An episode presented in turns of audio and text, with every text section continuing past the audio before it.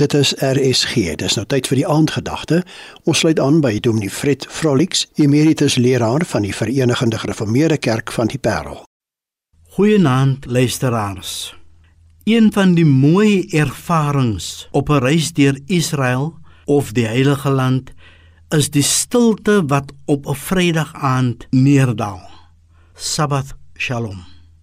Sabbath Shalom is afgelei van Lishbot wat beteken om te stop en lashevet wat beteken om te sit. Dit beteken dat jy jou week met rus afsluit. Die rus moet jou vir innerlike vrede regmaak. Jou rus verbind jou aan die bron van vrede. Maar Sabbath Shalom sê ook mag jou nuwe week met die gewaarwording van innerlike rus en volmaaktheid begin waar niks kortkom nie. Psalm 122 vers 7 en 8 in die Nuwe Lewende Vertaling som dit so op: Mag daar vrede wees binne jou mure, rus in jou paleise.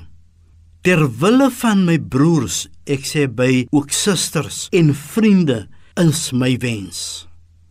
Mag daar vrede in jou wees.